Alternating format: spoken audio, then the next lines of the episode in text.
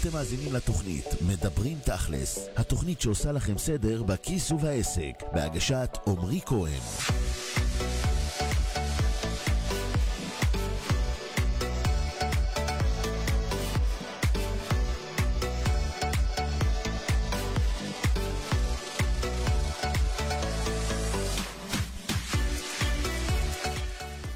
בוקר טוב לכולם, שבוע מצוין, יום ראשון, השעה 11 וקצת אחרי, וקצת אחרי. אנחנו היום עם אורחת מיוחדת בתוכנית מרתקת, מעניינת ומאתגרת מחשבתית, אני מבטיח לכם. אז מיד אנחנו נציג אותה עוד קצת מהפתיח ואנחנו מתחילים.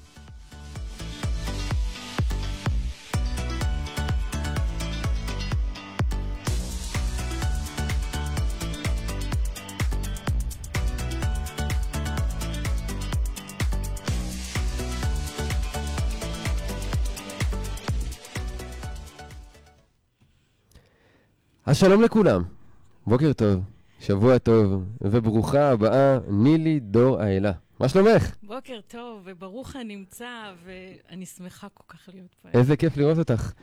פרונטלית, את יודעת, אנחנו... פיזית. סוף סוף אנחנו נפגשים. אה, גילוי נאות, הקשר שלי עם נילי הוא שנים אה, רבות אחורה, ואני חושב, אה, כמה? 2015. 2015. שש שנים יפות, עם uh, קשר שרק הלך והתחזק עם השנים.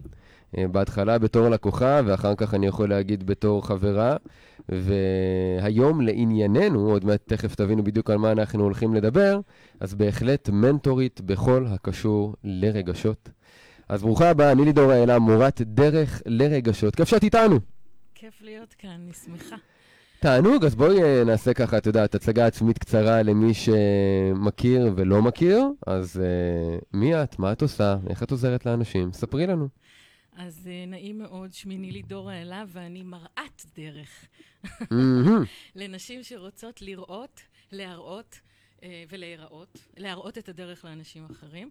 בעיקרון אני באמת, הכניסה שלי זה דרך העולם הרגשי, אבל היא מלווה בעיקר נשים יזמיות, עצמאיות, דרך אגב.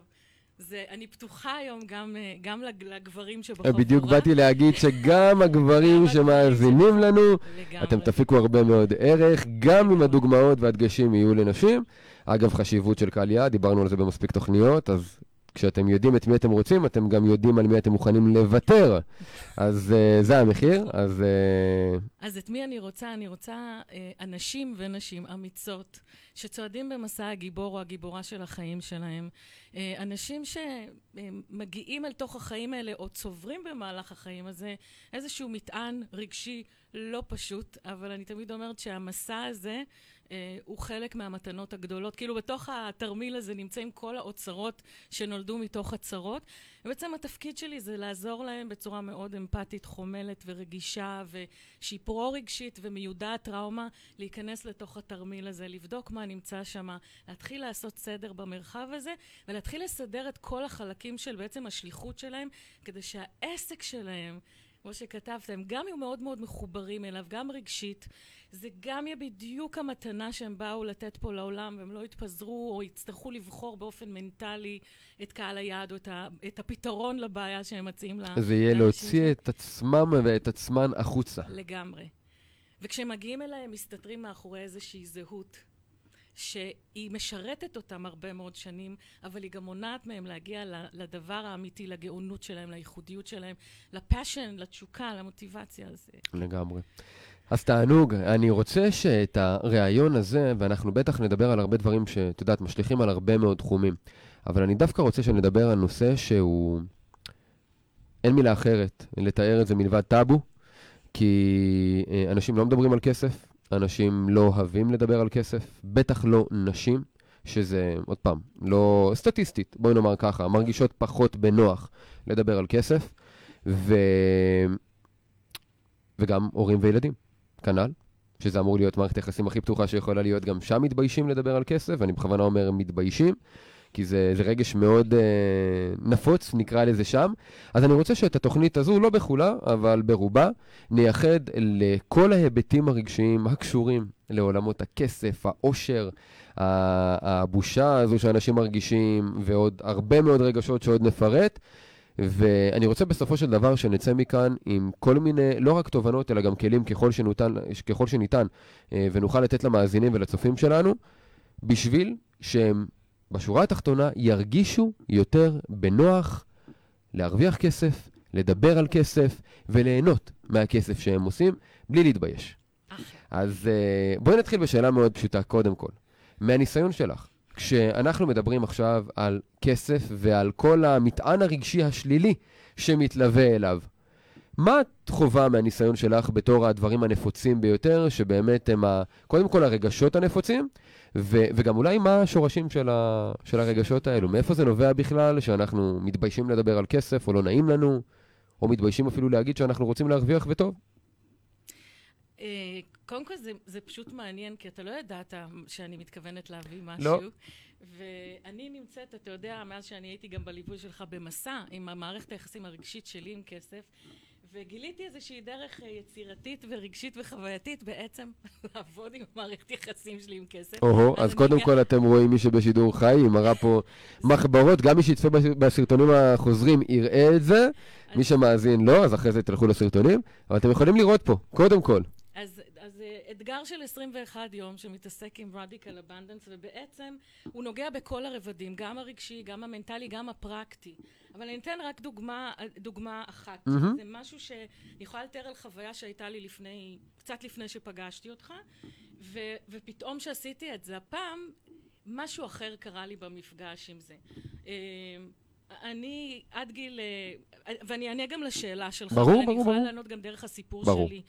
כולנו גדלנו באותה משפחה, בסך הכל גדלנו באווירת שפע, אבל בתודע, בתודעת מחסור. ואפשר לראות את, את כל אחד מהאחים, אחד כבר לצערי הרב לא בחיים, אבל אחד שנהיה מיליונר, אבל היה כל הזמן חרד לכספו, אחד שכל הזמן חוסך או ממש חרד ל, לשחרר כסף, ואני החלטתי שלא מעניין אותי עד גיל 40, אני לא רוצה לדעת מה זה כסף, באתי להציל את העולם. באמא שלכם תעזבו אותי, אני פה בשביל לסייע, אז עבדתי עם נפגעות תקיפה מהמם. מינית, ובאמת, והבאתי את עצמי לגיל 40 לקטסטרופה כלכלית, ואז התחלתי להתעורר ואמרתי, בואנה, את היית בת יענה עם הראש בחול. אני מניחה שאם אתה אה, שואל, יש לי אירוע מכונן, שאחי בן 18, יש לו בת זוג, אנחנו יושבים בארוחת שישי, ואבא שלי עובד אל על, ואז תפסו את עובדי אל על. כי אנשים מאוד אה, מבוססים, משכורות מאוד אה, זה, והחברה, פנינה שואלת, החברה של אחי שואלת את אבא שלי, אה, מה המשכורת שלך? ואבא שלי רותח מכעס עליה, Mm. ואומר, אם את הולכת להתחתן איתו, הוא צריך לפרנס אותך, מה מעניין אותך כמה אני מרוויח? עכשיו, החוויה הזאת של כעס מטורף. אני עושה rewind, גיל 12, אנחנו בניו יורק, אני כל הזמן... כן, כן, אני חושב שאת יכולה, אה, לא יודע, אצלי זה עכשיו תפוס, את יודעת, אבל זהו. מעולה, מעולה. אנחנו בניו יורק, חברים מאוד טובים של המשפחה, מזמינים אותנו לארוחת ערב. עכשיו, אני מורגלת מאבא שלי שאנחנו הולכים תמיד למסעדות הכי טובות, ותמיד אני יכולה לה, לה, להזמין מה שאני רוצה מהמניו. אני פותחת את המניו, אני לא מסתכלת על הכסף, אני. מסתכלת על המנה שאני רוצה. ואני רואה את אבא שלי מחוויר, ויוצא החוצה ואומר, איזה בושות עשית לי, את הזמנת את המנה הכי יקרה במניו. איזה בושות עשיתי? כאילו, שאלו אותי מה אני רוצה לאכול, אמרתי מה אני רוצה לאכול. מצחיק שזה אחד התרגילים שאני נותן לאנשים כדי לפתח תודעת שפע, זה ללכת למסעדה שהם לא מכירים בה את התפריט, להסתיר ממש, או אפילו לשאול את המלצר איזה מנות יש, ולבחור את מה, אולי בפעם הראשונה, מה שהם רוצים, לא את מה שהם יכולים להרשות לעצמם. כי מי שמכיר את זה, וזה אגב דרך טובה לדעת האם אתם באמת בתודעת שפע או בתודעת מחסור, לא רק, לא כמדד אחד, אבל זה בטח סממן והוא משמעותי. כשאתם הולכים למסעדה, אתם מוצאים את העיניים, קודם כל העיניים הולכות על המנה שאתם רוצים, אבל שנייה לפני שאתם מחליטים להזמין אותה, אתם מסיטים את המבט לעמודת המחירים, ואז אתם מחליטים אם פתאום טעים לכם או לא טעים לכם. מאוד יכול להיות שהמחיר גורם לכם לאבד את התיאבון ואתם עוברים למנה אחרת, אבל זה בדיוק העניין הזה של, ה, של התודעה, להזמין מה שאתה רוצה, וגם בחיים, להזמין במרכאות מה שאנחנו רוצים, ולא מה שאנחנו יכולים להרשות לעצמנו, ואנחנו לא עושים את זה כי אנחנו אז רק האירועים האלה, ואני אלך לאירוע יותר כואב, שלקח לי הרבה שנים גם לעשות את החיבור, שהוא באיזשהו אופן אפילו על גבול הטרדה מינית, ש- וזה האירוע היחיד שאני זוכרת מאבא שלי, אבל הייתי בת עשר, היינו בנופש, רציתי לקנות אה, ארטיק. מהמם. הוא בא אליי מאחורה ותקע לי כסף בבגד ים ואמר, שנים אני מחכה לעשות את זה לבת שלי. עכשיו, אז לא הבנתי את המשמעות כן. של זה. אבל רקדניות בטן, ברור, ונשים נכון. וזנות, כאילו... אז כל החיבורים האלה מייצרים כבר, זה כבר, אתה יודע, מוטבע בתאים, וכל החוויות הרגשיות. פה זה ביישת אותי, אז, נכון. אז את עושה בושות. ופה אסור לדבר על זה, כי אם מדברים על זה, אז יש כעס מאוד מאוד גדול. אבא שלי למעשה ככה נותק מהאבא שלו על הרקע של כסף, אז כאילו, אתה יודע, זה גם הולך לש... ל... ל... לשושלת המשפחתית.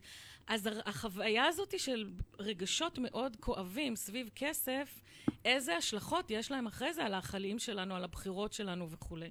יתרה מזאת, זה משהו שבזמנו אני ככה אמרתי לך ש... כשהתעוררתי לעניין הזה של כסף בגיל 40, אמרתי, אוקיי, אני לוקחת אחריות. אז אני מתחילה ללמוד אצל נטלי בן דוד את נקודת מפנה, ואז עבודה רוחנית, ועבודה רגשית, ועבודה אמון, של אמונות, ועבודה פרקטית, ועברות כלכליות, ומשהו בתוצאות לא משתנה, וזה היה תסכול נורא גדול. אמרתי, איך זה יכול להיות שאני באמת מתחיה? אתה מכיר אותי, אני ברור. נכנסת לתהליך. בולדוזרית במלוא מובן המילה. ואז כנראה שכשאני הייתי בשלה, נתקלתי במנטורית אמריקאית שנקראת ג'ו- ג'ון סוטקינס, והיא בעצם מדברת על הקשר בין מה שנקרא adverse, child, adverse childhood experiences, כל מיני חוויות טראומטיות בילדות, ואיך המופעים, הרגשות הלא מעובדים מהילדות, עושים reenactment, כאילו, אה, אה, שחזור דרך כסף. אז אם חוויתי אובדן בילדות שלי ואף פעם לא נגעתי בו ולא איבדתי אותו, אני אעשה פשיטת רגל, כל הכספים שאני ארוויח יזלגו לי בין האצבעות. פתאום התחלתי להבין את הקשר בין טראומות הילדות שלי לבין המופעים הכלכליים בתוך החיים שלי, ואז הבנתי שזה נכון, אני צריכה את הידע הפרקטי ואני צריכה את הכלים. ודרך אגב, אימצתי ממך, שלמדתי ממך את, ה, את החלק הפרקטי של הכסף, שזה נשימה. ניהול כסף, יצירת כסף, שימור כסף, לגמרי. מינוף כסף והנאה מכסף. אז- נכון. וזה חמצן, זה חמצן לעסק, זה גם חמצן לחיים. ממש ככה. אז יש עוד, יש עוד משהו, חוץ מטראומות ילדות מהסוג הזה, הקשר עם הכסף במובן הרגשי הוא קשור להיקשרות שלנו לאימא שלנו. אימא היא מקור ההזנה. עכשיו, אימא, וזאת האימא שהייתה לי, לא בטוחה, לא רציפה, לא קבועה, לא נגישה. אז זה המערכת יחסים שיש לי עם כסף, הוא לא קבוע, הוא לא רציף, הוא לא נגיש, הוא לא זמין. אז כל העבודה בסופו של דבר הולכת ל- ללכת אחורה, לא לסיפור, לרגשות שנכלאו נכון. במערכת העצבית, לדאוג שם לפרוק את מה שצריך לפרוק. אז היה פה איזשהו, שני דברים שקרו. אחד זה היה תרגיל אה, בלהבין שלהתעלם מכסף לא פותר את הבעיה. אה, בהחלט לא. עכשיו, בעבר, כל פעם שהיו מדברים איתי על מערכת היחסים שלי עם כסף, הייתי, מצ... הייתי אומרת, אני כמו בת יענה, עם... עם... הייתי עם הראש בחול. וכשהפעם עשיתי את התהליך הזה, אז קודם כל ציירתי ינשוף. יש חוכמה, וגם לכל הטעויות שעשיתי בדרך וכולי, יש איזושהי חוכמה. הבת יענה היא חלק מהחיים שלי. ח- קודם כל, הראש שלה יצא מאחור. כן, כן, רואים, זהו. אבל היא שם, אני לא מתעלמת מקיומה, אבל היא כבר עברה איזשהו תהליך, והיא חלק מהסיפור שלי. אז קודם כל, זה היה מדהים בסוף התהליך לראות של וואלה, משהו, הציור כבר סיפר סיפור, סיפור לגמרי. אחר. ודבר שני, זה היה שהוא אה, שלח אותנו אה, להסתכל על כל הנכסים וההתחייבויות. עכשיו, אני זוכרת את הפעם הראשונה שפתחתי את המחשב, זה היה מול בן זוג שהיה לי, והראיתי לו את הקטסטרופה הכלכלית. ולא מהמם. הפסקתי לבכות, גם מהבושה אז הסתרתי את זה. ברור. ולא מספיק טובה, ואיך אני, שאני כזאת אשת מקצוע מומחית בתחומי, כל הזמן סובלת מעניינים כלכליים. ואני זוכרת שלא הפסקתי לבכות, כל- אבל פתחתי, זה סוף סוף זה היה באור, וזה לא מוסתר, שזה דרך אגב מה שמטפל בבושה. ברגע שחושפים, לגמרי. היא לא חיה ברור. באור. אי אפשר הבושה. להתבייש אי ממשהו שכולם להתבייש. יודעים. הרי אנחנו מתביישים ממה שאנחנו מסתירים בדרך כלל. נכון. וגם מה שקרה שם זה שרק הסתכלתי על הדבר הזה. והוא אמר, אוקיי, זו הצהרה שאנחנו נותנים לעצמנו, לרואה חשבון שלנו וכולי. מהמם. עכשיו לכו תעשו את הנכסים ואת המשאבים של הידע שלכם, של החוכמה המצטברת. לגמרי. פתאום הרגשתי נכון, מיליארדרית. לגמרי. מיליארדרית. אמרתי, בואנה, זה רק עכשיו עניין של איך אני מחברת בין בדיוק. העושר והאוצרות המטורפים נכון, בתוכי לבין נכון. התרגום של זה לכסף. נכון. וגם כשאתה מדבר על רווח, אז אני אומרת, אם אנחנו מחברים את זה לשליחות, אז זה החיבור לרוח ולייעוד שלנו, לרווחה הרגשית, כדי שכל הסיפורי אה, טראומות האלה לא ינהלו, לא את הבחירות ולא את ההחלטות שלנו. וזה אני, אני, אני רוצה לחבר את זה בחזרה לרגשות, ואז גם חיבור לשורת מהמם. הרווח בבנק. מהמם. קודם כל, בעיניי פגשתי את כל הרגשות. קודם כל, הבושה. מי, שמס, מי שמתבייש במצב הכלכלי שלו ומסתיר אותו, ועושה כל מיני. כאילו, מצגי שווא כלפי חוץ, כדי שיחשבו שהכל, אצלי הכל בסדר. ואנחנו יודעים שיש גם הרבה אנשים שהם מנטורים, שעל פניו, כלפי חוץ, נחשבים לחלוטין. מאוד מצליחים, אנחנו יודעים מה קורה אצלם מאחורי הקלעים. אז אלה, אלה הבושה. דבר שני, אצלי הייתה המון אשמה. עכשיו, אשמה בעיניי מייצרת חוב, כי כל הזמן גם הרגשתי שאני חייבת, ואני חייבת. אז החייבת הזאת גם באה לידי ביטוי בחובות. והלוואות, כאילו, פשוט בסוף היה כל דבר פנימי בא לידי ביטוי-. בעולם החיצוני, לגמרי. אחד לאחד. ואני עדיין לא יודעת למה זה כל הזמן עולה כן, מהפייסבוק. טוב, תכף, בוא נעשה תכף הפסקה לשיר ונסדר לך, כן. נסדר את זה. אז קודם כל. והאשמה היא כי...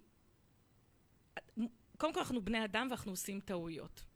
אני אחבר את זה למערכת הרגשית, כשאנחנו במצב הישרדותי, ואנחנו לא מווסתים את הרגשות שלנו, גם ה... ה...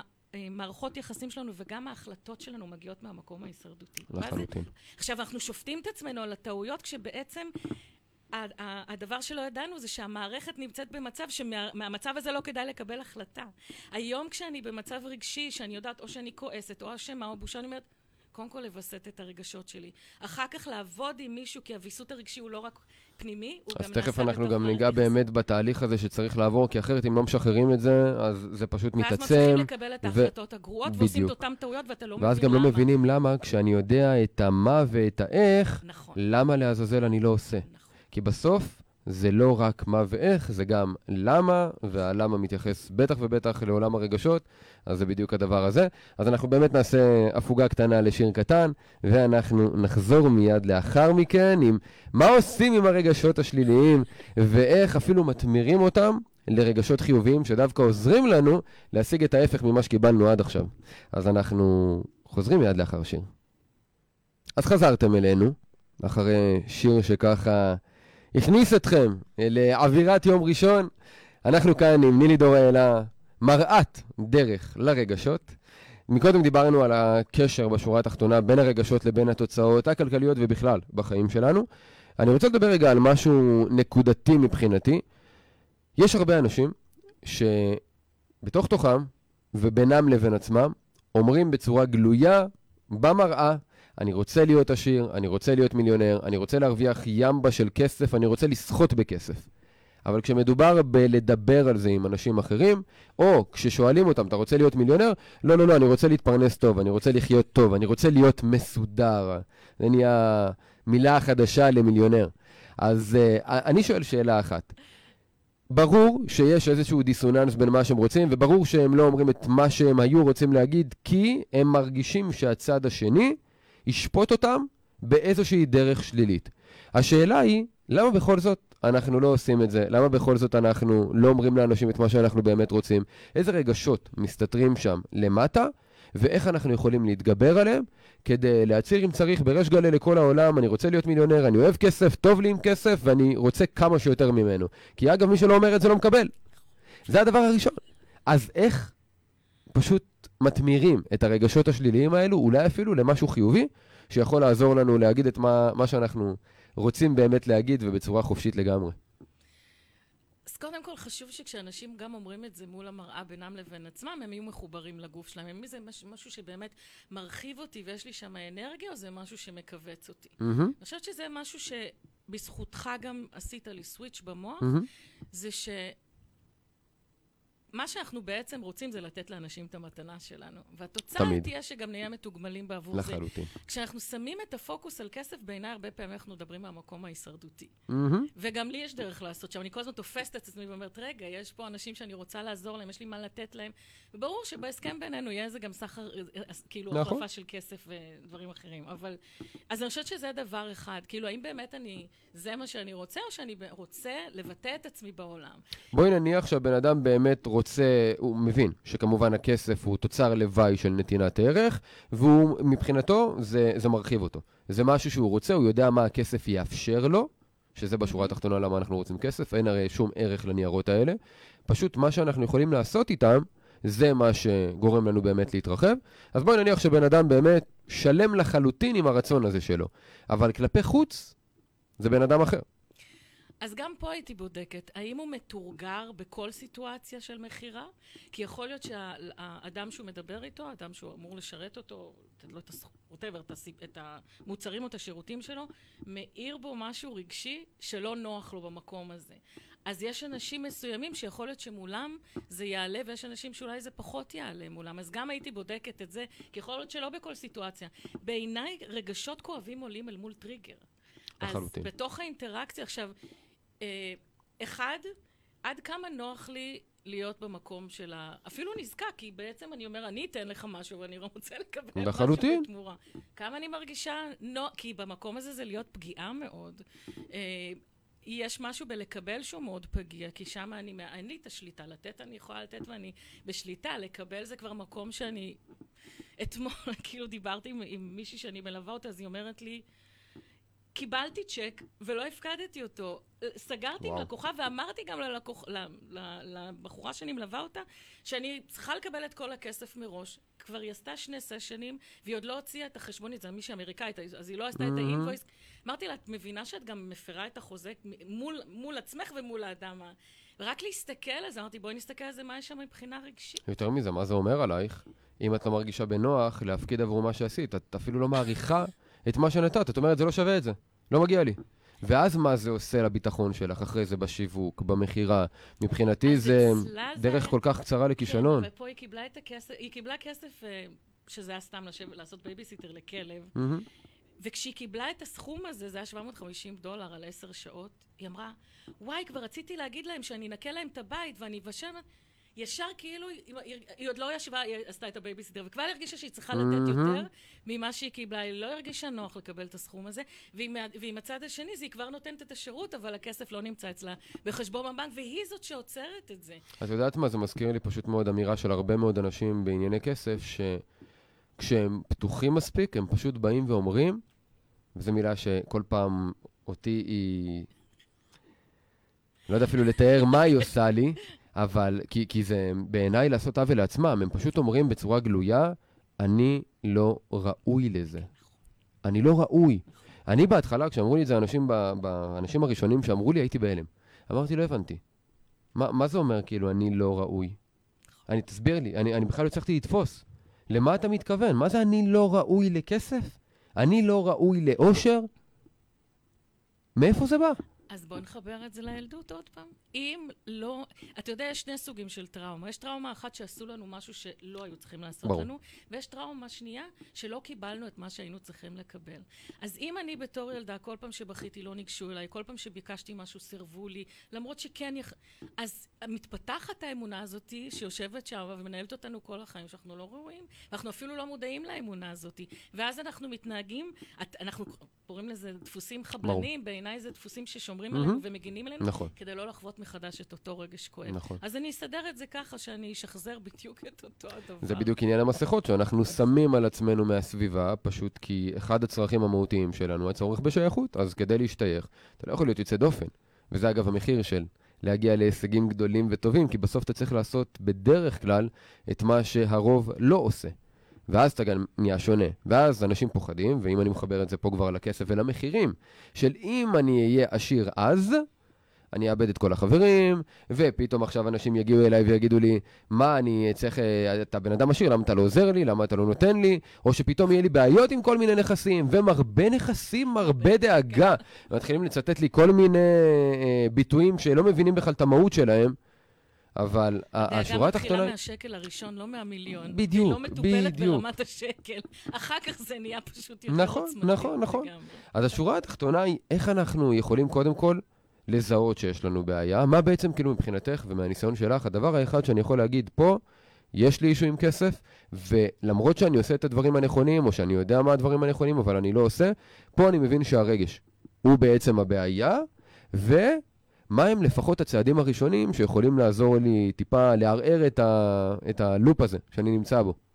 אז אתה יודע שכשאני מדברת על רגשות, אני אומרת שאנשים שפחות נגישים להם מרגשות, עדיין הרגשות משאירים עכבות בדרך החשיבה שלנו, בדיבור שלנו ובתכלס בהתנהגות שלנו. אז הלא ראוי הזה תמיד אומר, אני לא מספיק טוב. לא מספיק טוב, ומי אני בכלל שייתנו לי סכ- סכום בכלל, או כזה סכום? יושב חד משמעית על בושה. חד משמעית על... על- וה, אז חלק מזה זה להתחיל ללמוד, לאהוב ולקבל גם את כל החלקים שכרגע אני לא רוצה שאף אחד יכיר בתוכי. זה המון עבודה של shadow work when it, when it, כשזה נוגע בבושה. עבודה רגשית מאוד עמוקה ומאוד אמיצה. אבל בושה ואשמה זה לא רגשות שנולדנו איתם, מהמם. הם, הם רגשות נרכשים. אחד באמת, כל פעם שקיבלתי מסר ישיר או עקיף שלא אוהבים אותי או לא מקבלים אותי בצורה הזאת, למדתי להסתיר את החלקים האלה ולהראות כלפי חוץ רק מה שיזכה באהבה וקבלה. מהמם. אז זה קשור, זה, זה העבודה מול בושה. אשמה,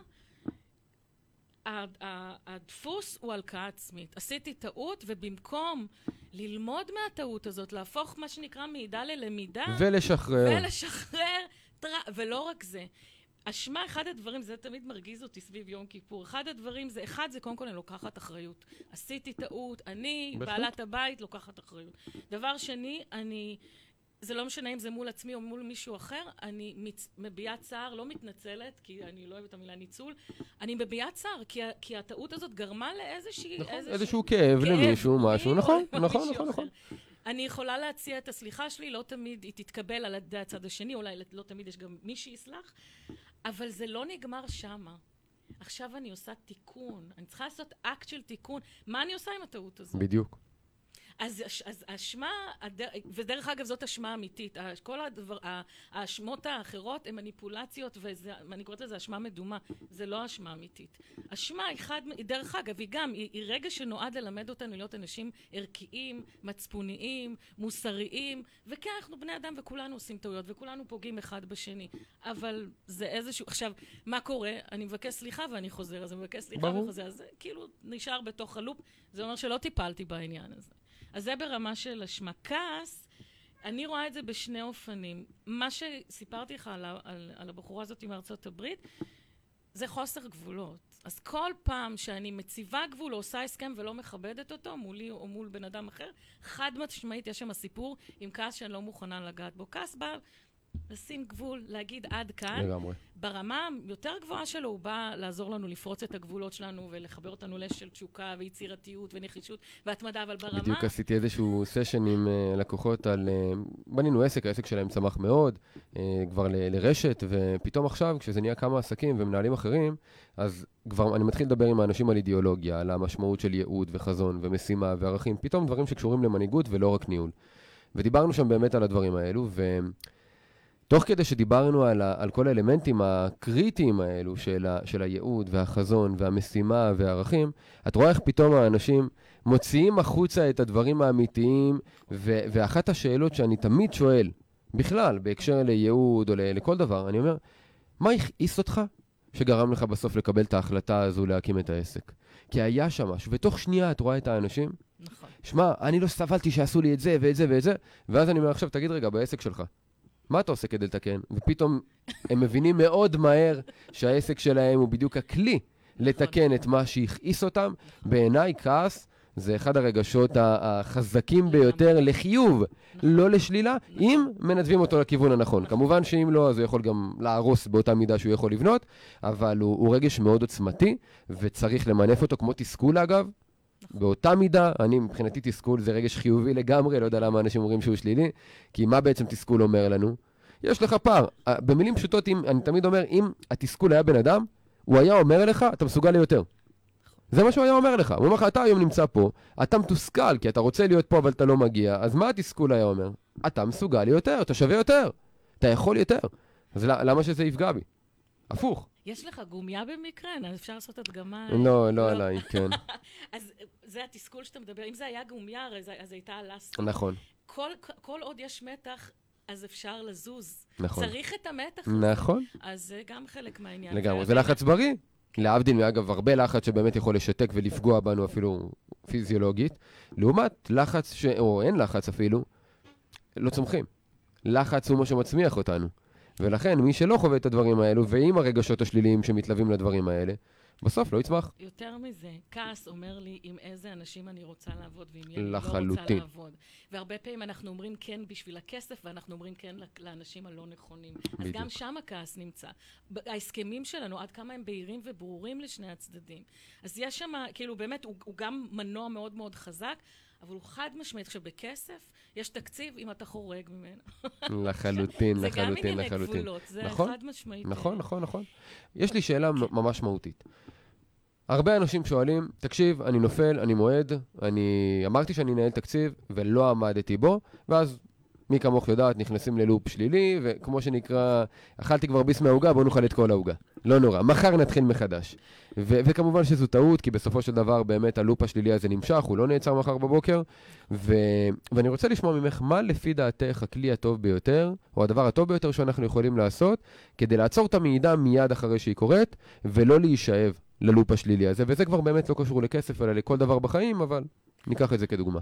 אז אם כבר הייתה מעידה, לחזור רגע אחד לפני שהיא קרתה כדי לזהות את הטריגר.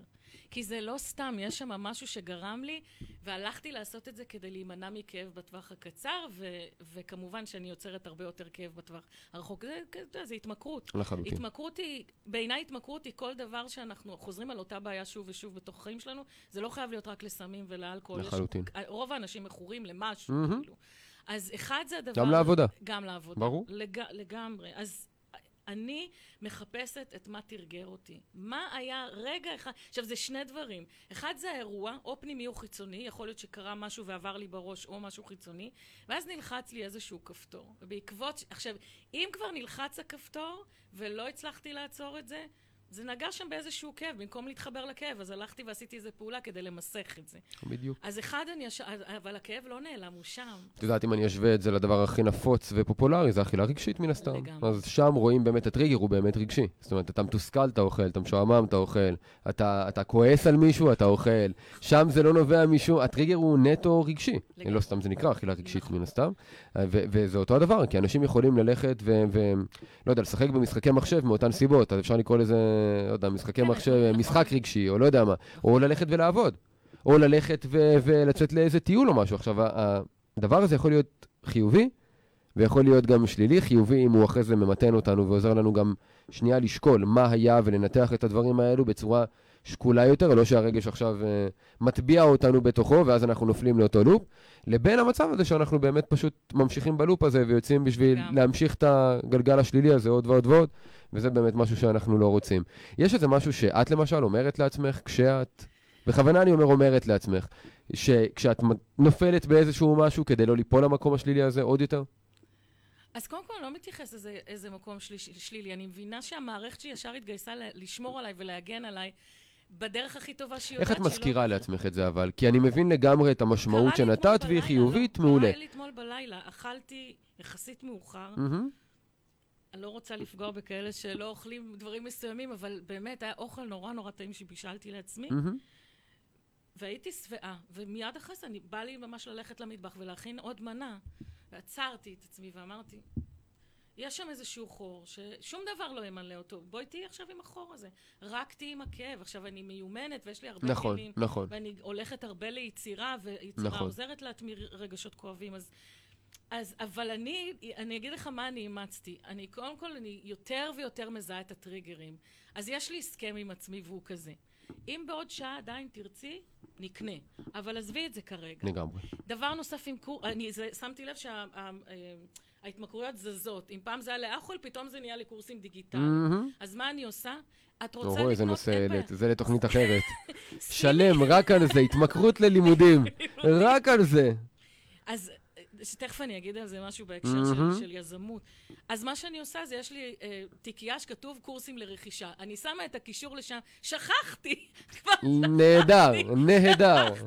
מדי פעם אני נכנסת לשם ואני אומרת, נהדר. לא. אז אני...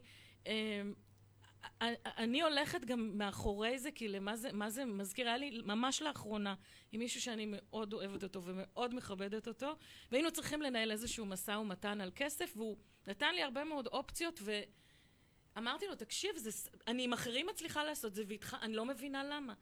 איך שלא נהפוך את זה, בסופו של דבר הגענו שיש שם איזושהי חוויה של ניצול. זה לא הוא, מהמם. אבל משהו ברור. שם... אבל עכשיו אנחנו עובדים על זה. לחלוטין. אז האומץ לב להגיד מה מפעיל אותי שם מאחורי זה, להבין שהאדם הזה הוא מתנה, כי הוא עיר מקום שמבקש ריפוי, שמבקש התמרה, ואז לעשות את העבודה.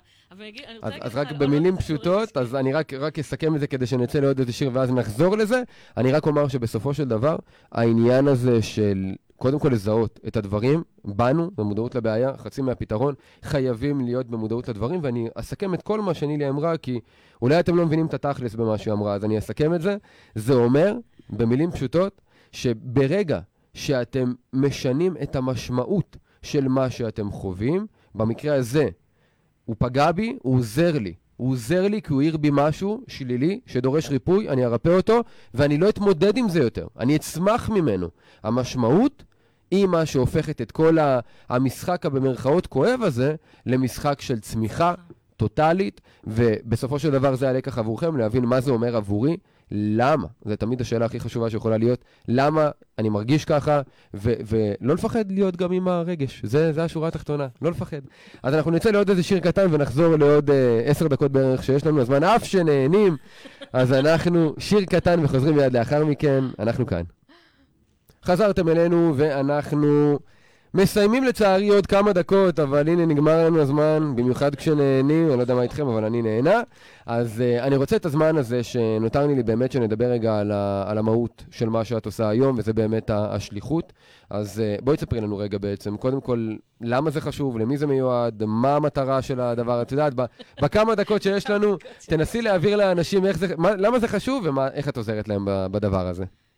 אז אני ממש אנסה לעשות את זה. לגמרי, קצר. כן. אה, כולנו הגענו מבחינתי לעולם הזה מהות טהורה עם איכויות מאוד ייחודיות, אבל הן מאוד רחבות, כאילו מנהיגות, ריפוי, יצירה, אפילו בידור. יש לך אנשים שזה התפקיד שלהם.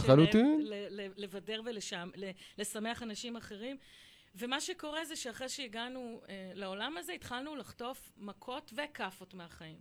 אז כולנו חווינו כאבים, אין ילד שלא חווה. חלקנו חווינו משברים, במהלך החיים יש סיכוי טוב שנחווה כמעט את כל המשברים האפשריים, זה גם חוויה שהיא אנושית.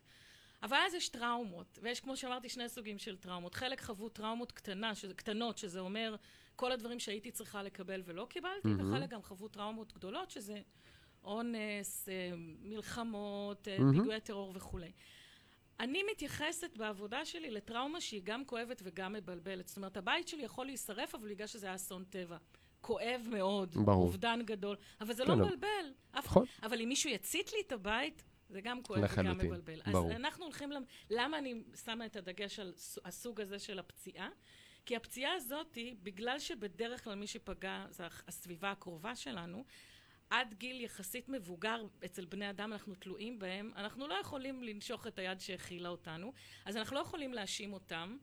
אז אנחנו גם הרבה פעמים עושים איזשהו ספליט בין החלק הטוב והחלק הרע של ההתנהגות שלהם, מהמם. אבל אנחנו מאמצים לעצמנו איזושהי אמונה אודות עצמנו, והאמונה הזאת היא הופכת עם השנים להיות הזהות והאישיות שלנו והפרסונה שלנו ואיך שאנחנו מציגים את עצמנו בעולם. למה זה בעייתי? כי, כי מה שקורה הרי זה נולד מתוך כאב מאוד גדול שלא יכולתי, לא היה לי את הכלים, לא היה את- היכולת להתמודד איתו, והייתי צריכה לתת משמעות למה מהמם. שקרה, וארגנתי לעצמי איזושהי מהמם. אמונה. ואז אני מסתובבת בעולם, לא סתם עשיתי את זה, עכשיו על התפקיד שלי ב- בעולם, לחלוטין. אני רק אומר שיש לנו דקה. אוקיי, אני מסתובבת בעולם, ואם אני מרגישה לא מספיק, זה, זה הפאזל שאני אמורה להיות חלק ממנו, כל חתיכה מהמם. לה תפקיד. אם אני לא מספיק טובה, לא ראויה, אני לא תופסת את כל המקום, אני לא מחוברת לא למקום שלי ולא לאנשים אחרים שהייתי אמורה לעזור להם. אם אני מוכיחה לכולם שמה שאני מאמינה על עצמי זה לא נכון, אני מתנפחת מעבר למיטות שלי, או-הו. גם לא יכולה להיכנס, גם מנותקת וגם לא מחוברת ולא עושה את התפקיד שלי בעולם, כדי לשבת בחליפת האור בעין ולהביא את האור שלנו, שלנו לעולם, צריכים להיות במידה שלנו כדי שנוכל... עכשיו, זה הפאזל בחוץ. אני עושה את הסדר של הפאזל בפנים כדי שנוכל לשבת בפאזל לחלוטין. וכמו. שאמרנו, מה. שבחוץ זה שיקוף של מה שבפנים, ואני יכול להגיד לכם מניסיון בתור אחד שחווה את התהליך הזה באופן אישי, זה מדהים, מדויק, מעצים, משמעותי, וגם מגביר את כל מה שאנחנו משיגים בחיים, זה אני יכול לומר. אני באופן אישי נתתי לנילי המלצה מאוד חמה על התהליך הזה, שבעיניי הוא לגמרי. ייחודי. הוא קיבל שם? מזל טוב. missing piece to masterpiece. או! היא, אגב, אלופת המילים, תכירו. בין היתר. חברים יקרים, אתם מרגישים שאתם רוצים עוד? מצוין. גם אני, נילי, איפה אפשר למצוא אותך ממש בכמה שניות? בוואטסאפ 0544-660-699. גישה ישירה, אין יותר טוב מזה. חברים, תודה רבה שהייתם איתי. אנחנו נתראה כאן ביום ראשון הבא בשעה 11. שיהיה לכם אחלה שבוע.